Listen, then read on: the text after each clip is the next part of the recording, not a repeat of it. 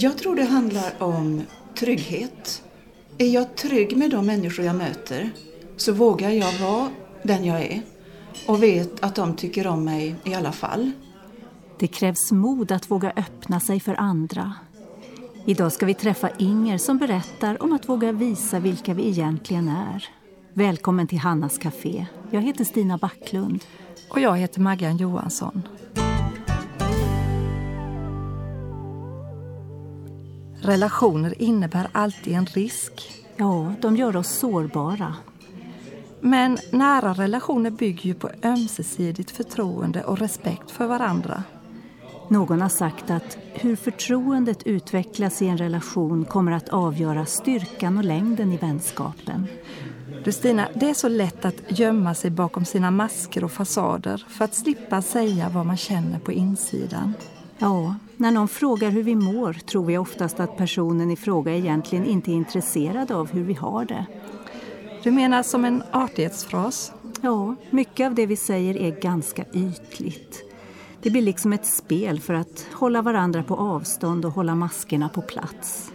Men vad händer om vi vågar vara äkta i våra möten? Det kan ju faktiskt hjälpa andra människor i vår omgivning.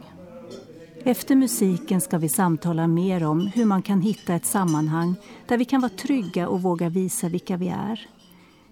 Vi lyssnar nu till My Song med Keith Jarrett.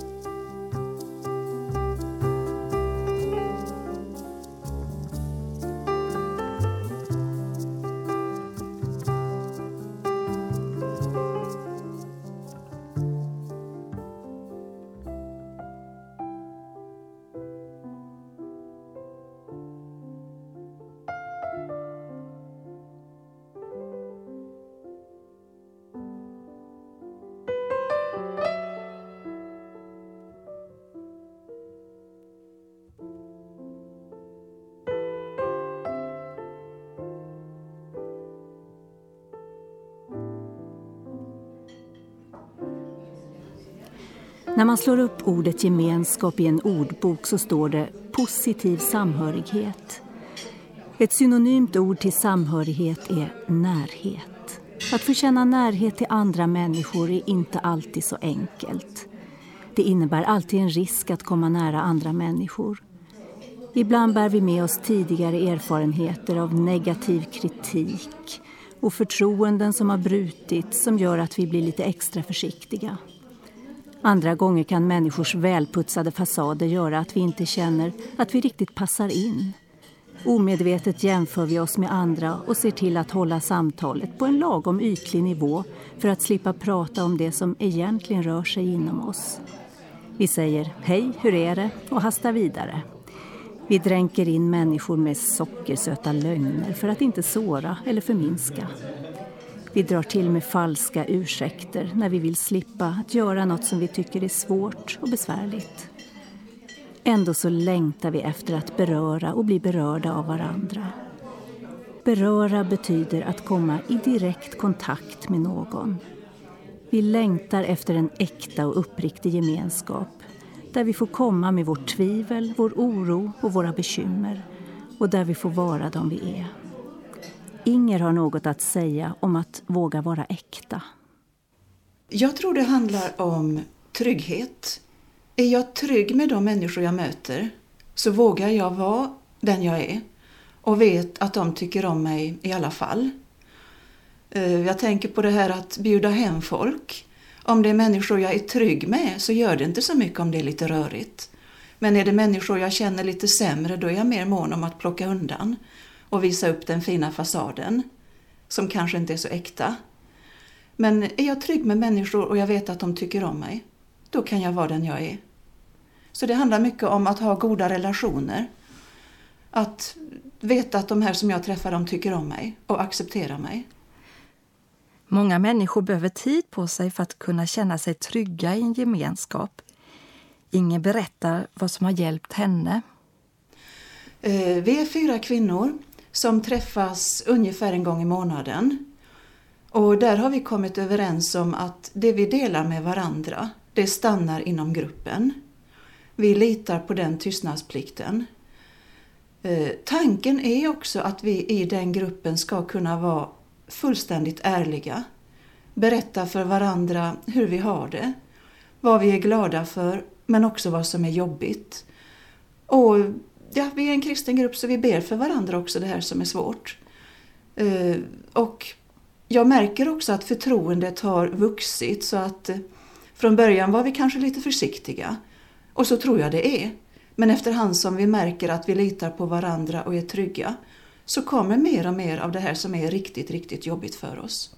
Och vi delar det med varandra och märker att ju mer vi delar desto större blir kärleken och uppskattningen över varandra och tryggheten. Så det är inte så som många tror att om jag visar mig som jag är så tycker de inte om mig. Utan det är tvärtom. Trygghet och omsorg om varandra är viktigt för att förtroende ska kunna utvecklas. Ingen mår bra av att lämna ut sig var som helst och hur som helst. Och Inger har även något att säga om detta. Men det, man måste ha rätt sammanhang. Nu är vi överens i den här gruppen om tystnadsplikt och förtroende. Men eh, vi ska ju inte dela vårt livs svåraste med busschauffören eller eh, expediten i affären eller så. Utan rätt sak på rätt plats. Att hitta rätt nivå för det vi delar. En del kan man dela lite med, andra kan man dela mycket med. Och, och att hitta det. Och ibland går vi på minor om vi tror att någon är värd ett förtroende och det sen visar sig att de höll inte tyst. Då blir vi lite försiktiga. Men jag är väldigt glad för den här omsorgsgruppen. Det, det betyder mycket för mig. Att ha vänner som vet allt om mig. Hur man kan starta en liten grupp, det säger Inger här. Jag tror att man vet runt omkring att det kanske finns någon som är förtroendevärd. Och jag tror att vi då kan gå och säga att jag skulle gärna lära känna dig bättre. Och så testar man, är han eller hon värd förtroendet? Och håller det så kan man fortsätta. Och vi var två som började och eh, sen kom det till två ganska direkt. Så att eh, man måste inte vara många. Och man ska nog inte vara för många. Fyra, fem kanske i en sån där omsorgsgrupp där vi ska dela mycket och ha tid att lyssna på varandra. Men jag tror att om man ser sig omkring så kan man hitta någon och börja med det. Och man kanske ska vara beredd att åka en bit om det inte finns precis i det samhälle jag bor. Men någonstans runt omkring tror jag man kan hitta. Och jag tror inte att det måste vara samma ålder och sånt utan det kan vara en 80 plus och en i 20-årsåldern. Det gör ingenting.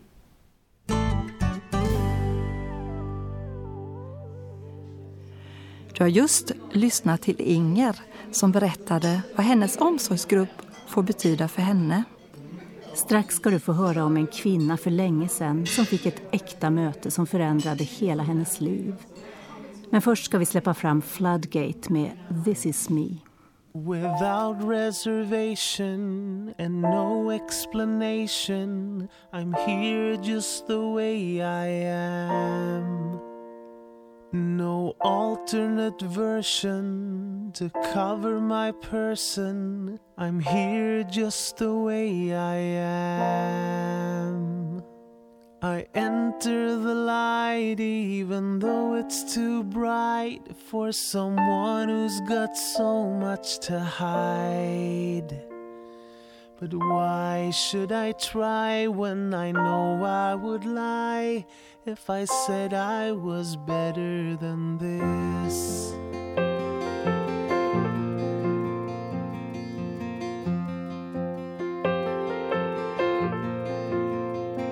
With nothing to lose and nothing to prove, I'm here just the way I am. Just wanting to share that I'm fully aware of me and the way I am. A little unease with the fact that you'll see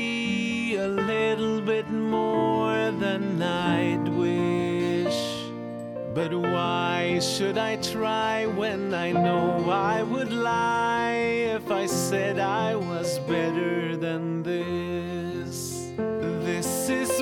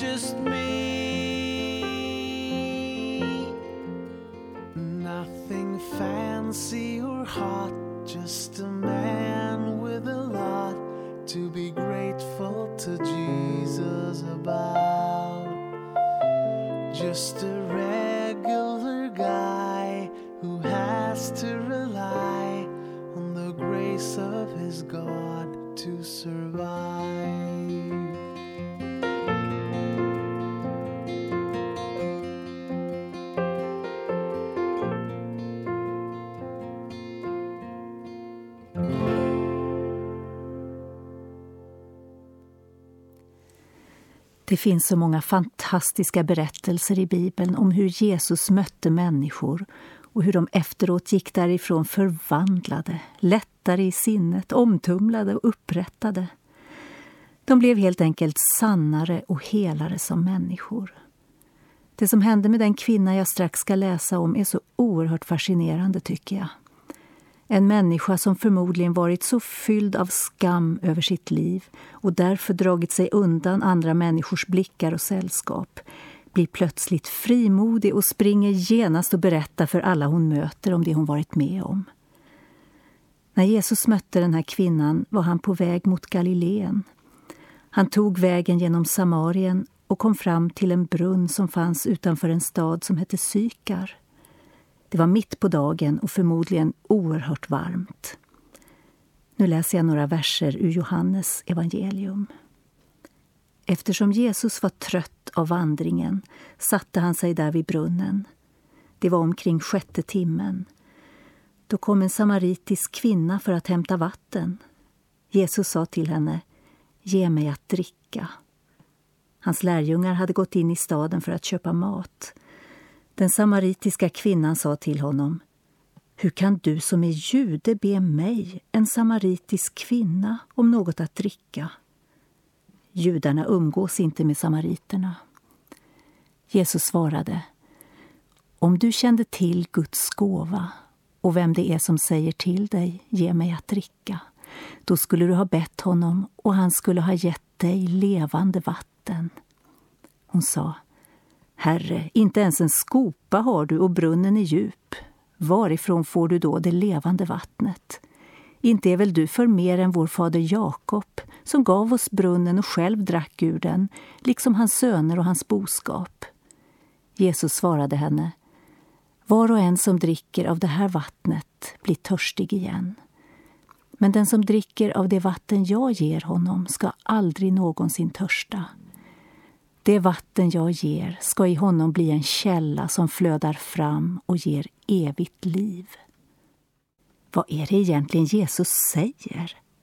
Det låter ju alldeles otroligt. Han ger vatten som blir en källa i oss, som flödar fram och ger evigt liv. Kan det verkligen vara sant? Kvinnan ber genast Jesus att ge henne det vattnet. Hon måste verkligen ha undrat vad det här var för en man. Innan jag läser vidare vill jag bara tala om att det här mötet var riktigt uppseendeväckande. Som det stod i texten så umgicks inte judar och samariter och Jesus var jude. Men Jesus, han var en gränsöverskridare som ville nå alla människor. Och något som vi idag tar för självklart, att män och kvinnor samtalar på lika villkor med varandra, det var något man bara inte gjorde på den tiden. Undra på att lärjungarna, när de kom lite senare, blev förvånade. Nu ska jag läsa några verser till och det är Jesus som fortsätter samtalet. Han sa Gå och hämta din man och kom hit. Kvinnan svarade Jag har ingen man. Jesus sa Du har rätt när du säger att du inte har någon man. Fem män har du haft och den du har nu är inte din man. Det du sa är sant. Kvinnan sa Herre, jag märker att du är en profet. Plötsligt hör hon sanningen om sig själv. Hur hon har levt ett struligt liv med många olika män och att den hon har nu inte är hennes man. Det måste väl ha känts jobbigt att en främmande man plötsligt kastar sanningen rakt i ansiktet på henne. Nej, tydligen inte. Kvinnan stannar kvar och hon och Jesus för ett långt och givande samtal. Att den här kvinnan kom till brunnen vid den allra varmaste tiden på dygnet berodde nog på att hon ville komma dit alldeles ensam. Alla hennes struliga förhållanden gjorde säkert att de flesta kastade föraktfulla blickar på henne. Hon blev folkskygg och gömde sig gärna eftersom hon skämdes för det som blev så fel i hennes liv. Men här möter hon en man som utstrålar en oerhörd kärlek. En som ser rakt in i hennes liv och ändå möts hon med respekt. Vem är han egentligen? Folket hade länge väntat på någon som skulle komma, en räddare som kallades Messias. Jag läser vidare i berättelsen. Kvinnan sa till honom, jag vet att Messias ska komma, han som kallas Kristus. När han kommer ska han förkunna allt för oss. Jesus sa till henne, det är jag, den som talar med dig. Nu springer kvinnan iväg, in mot staden och alla människorna. Hon låter vattenkrukan stå och så ropar hon. Kom och se en man som har sagt mig allt vad jag har gjort. Han kanske är Messias. Är det inte otroligt? Är det verkligen samma kvinna? Ja, men totalförändrad. Det hon berättade gjorde att många kom till tro på att Jesus verkligen var räddaren eller frälsaren som alla hade väntat på. När stadens invånare sedan själva fick möta Jesus och lyssna till honom började ännu fler tro på honom och de sa till kvinnan Nu tror vi inte längre bara för dina ords skull. Vi har själva hört honom och vet att han verkligen är världens frälsare. Ett sånt här möte kan vi få med Jesus idag också, både du och jag. I hans närhet kan vi våga möta sanningen om oss själva, också den mörka sanningen. Alla gör vi ju så mycket som inte är bra, för oss själva eller för andra. Det finns så mycket egoism och annat destruktivt i våra liv som vill bryta ner allt det goda och sköna som finns i oss. Det här mörka, dåliga kallas synd. Här vill Jesus vara vår räddare.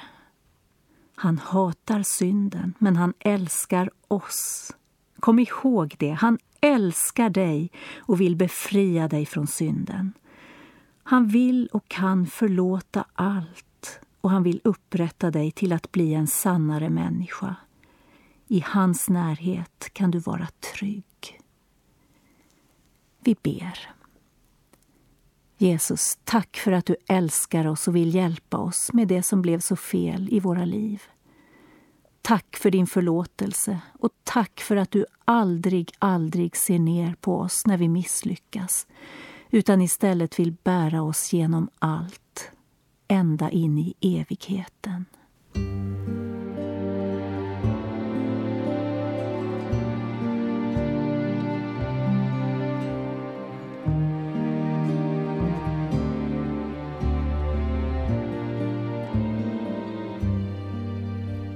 Finns skog som andas frid.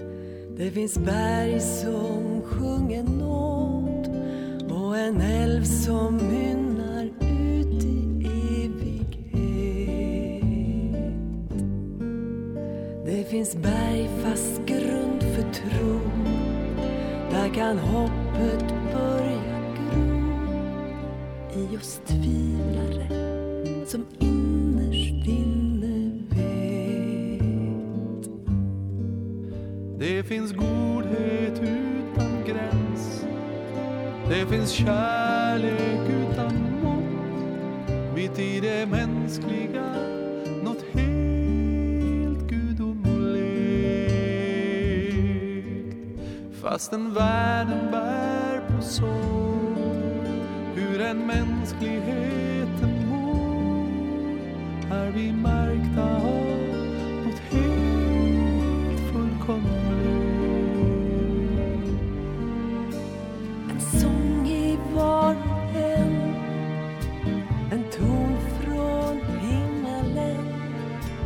en början och ett mål att nå.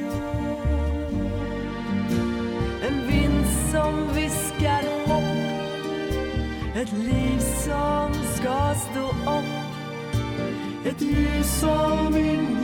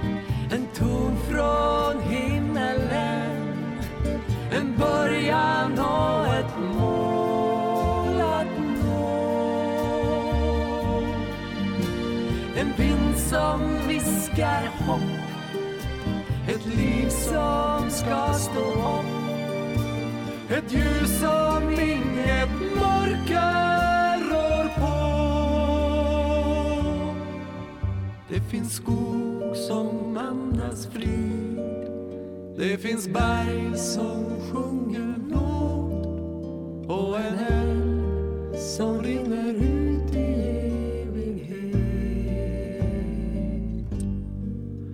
Det finns bergfast grund för tro. Där kan hoppet börja gro. I oss tvivlare som innerst inne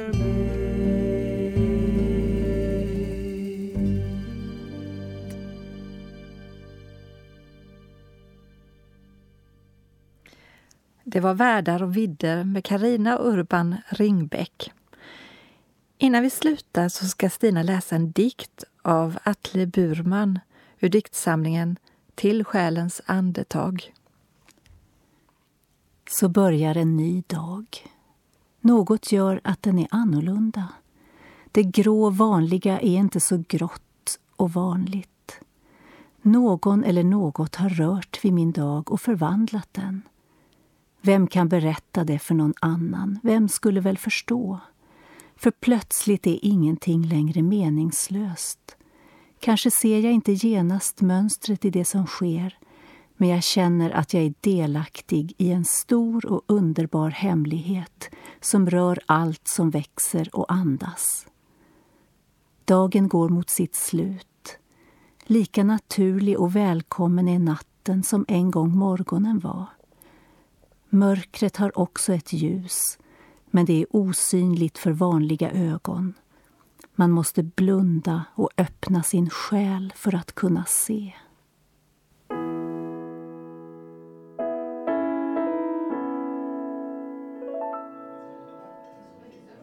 Idag har programmet handlat om äkta möten.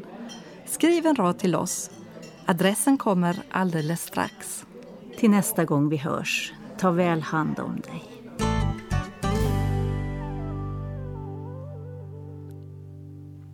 Hannas Café är producerat av Stina Backlund och Maggan Johansson för Norea Radio Sverige med adress Östergatan 20 262 31 i Ängelholm.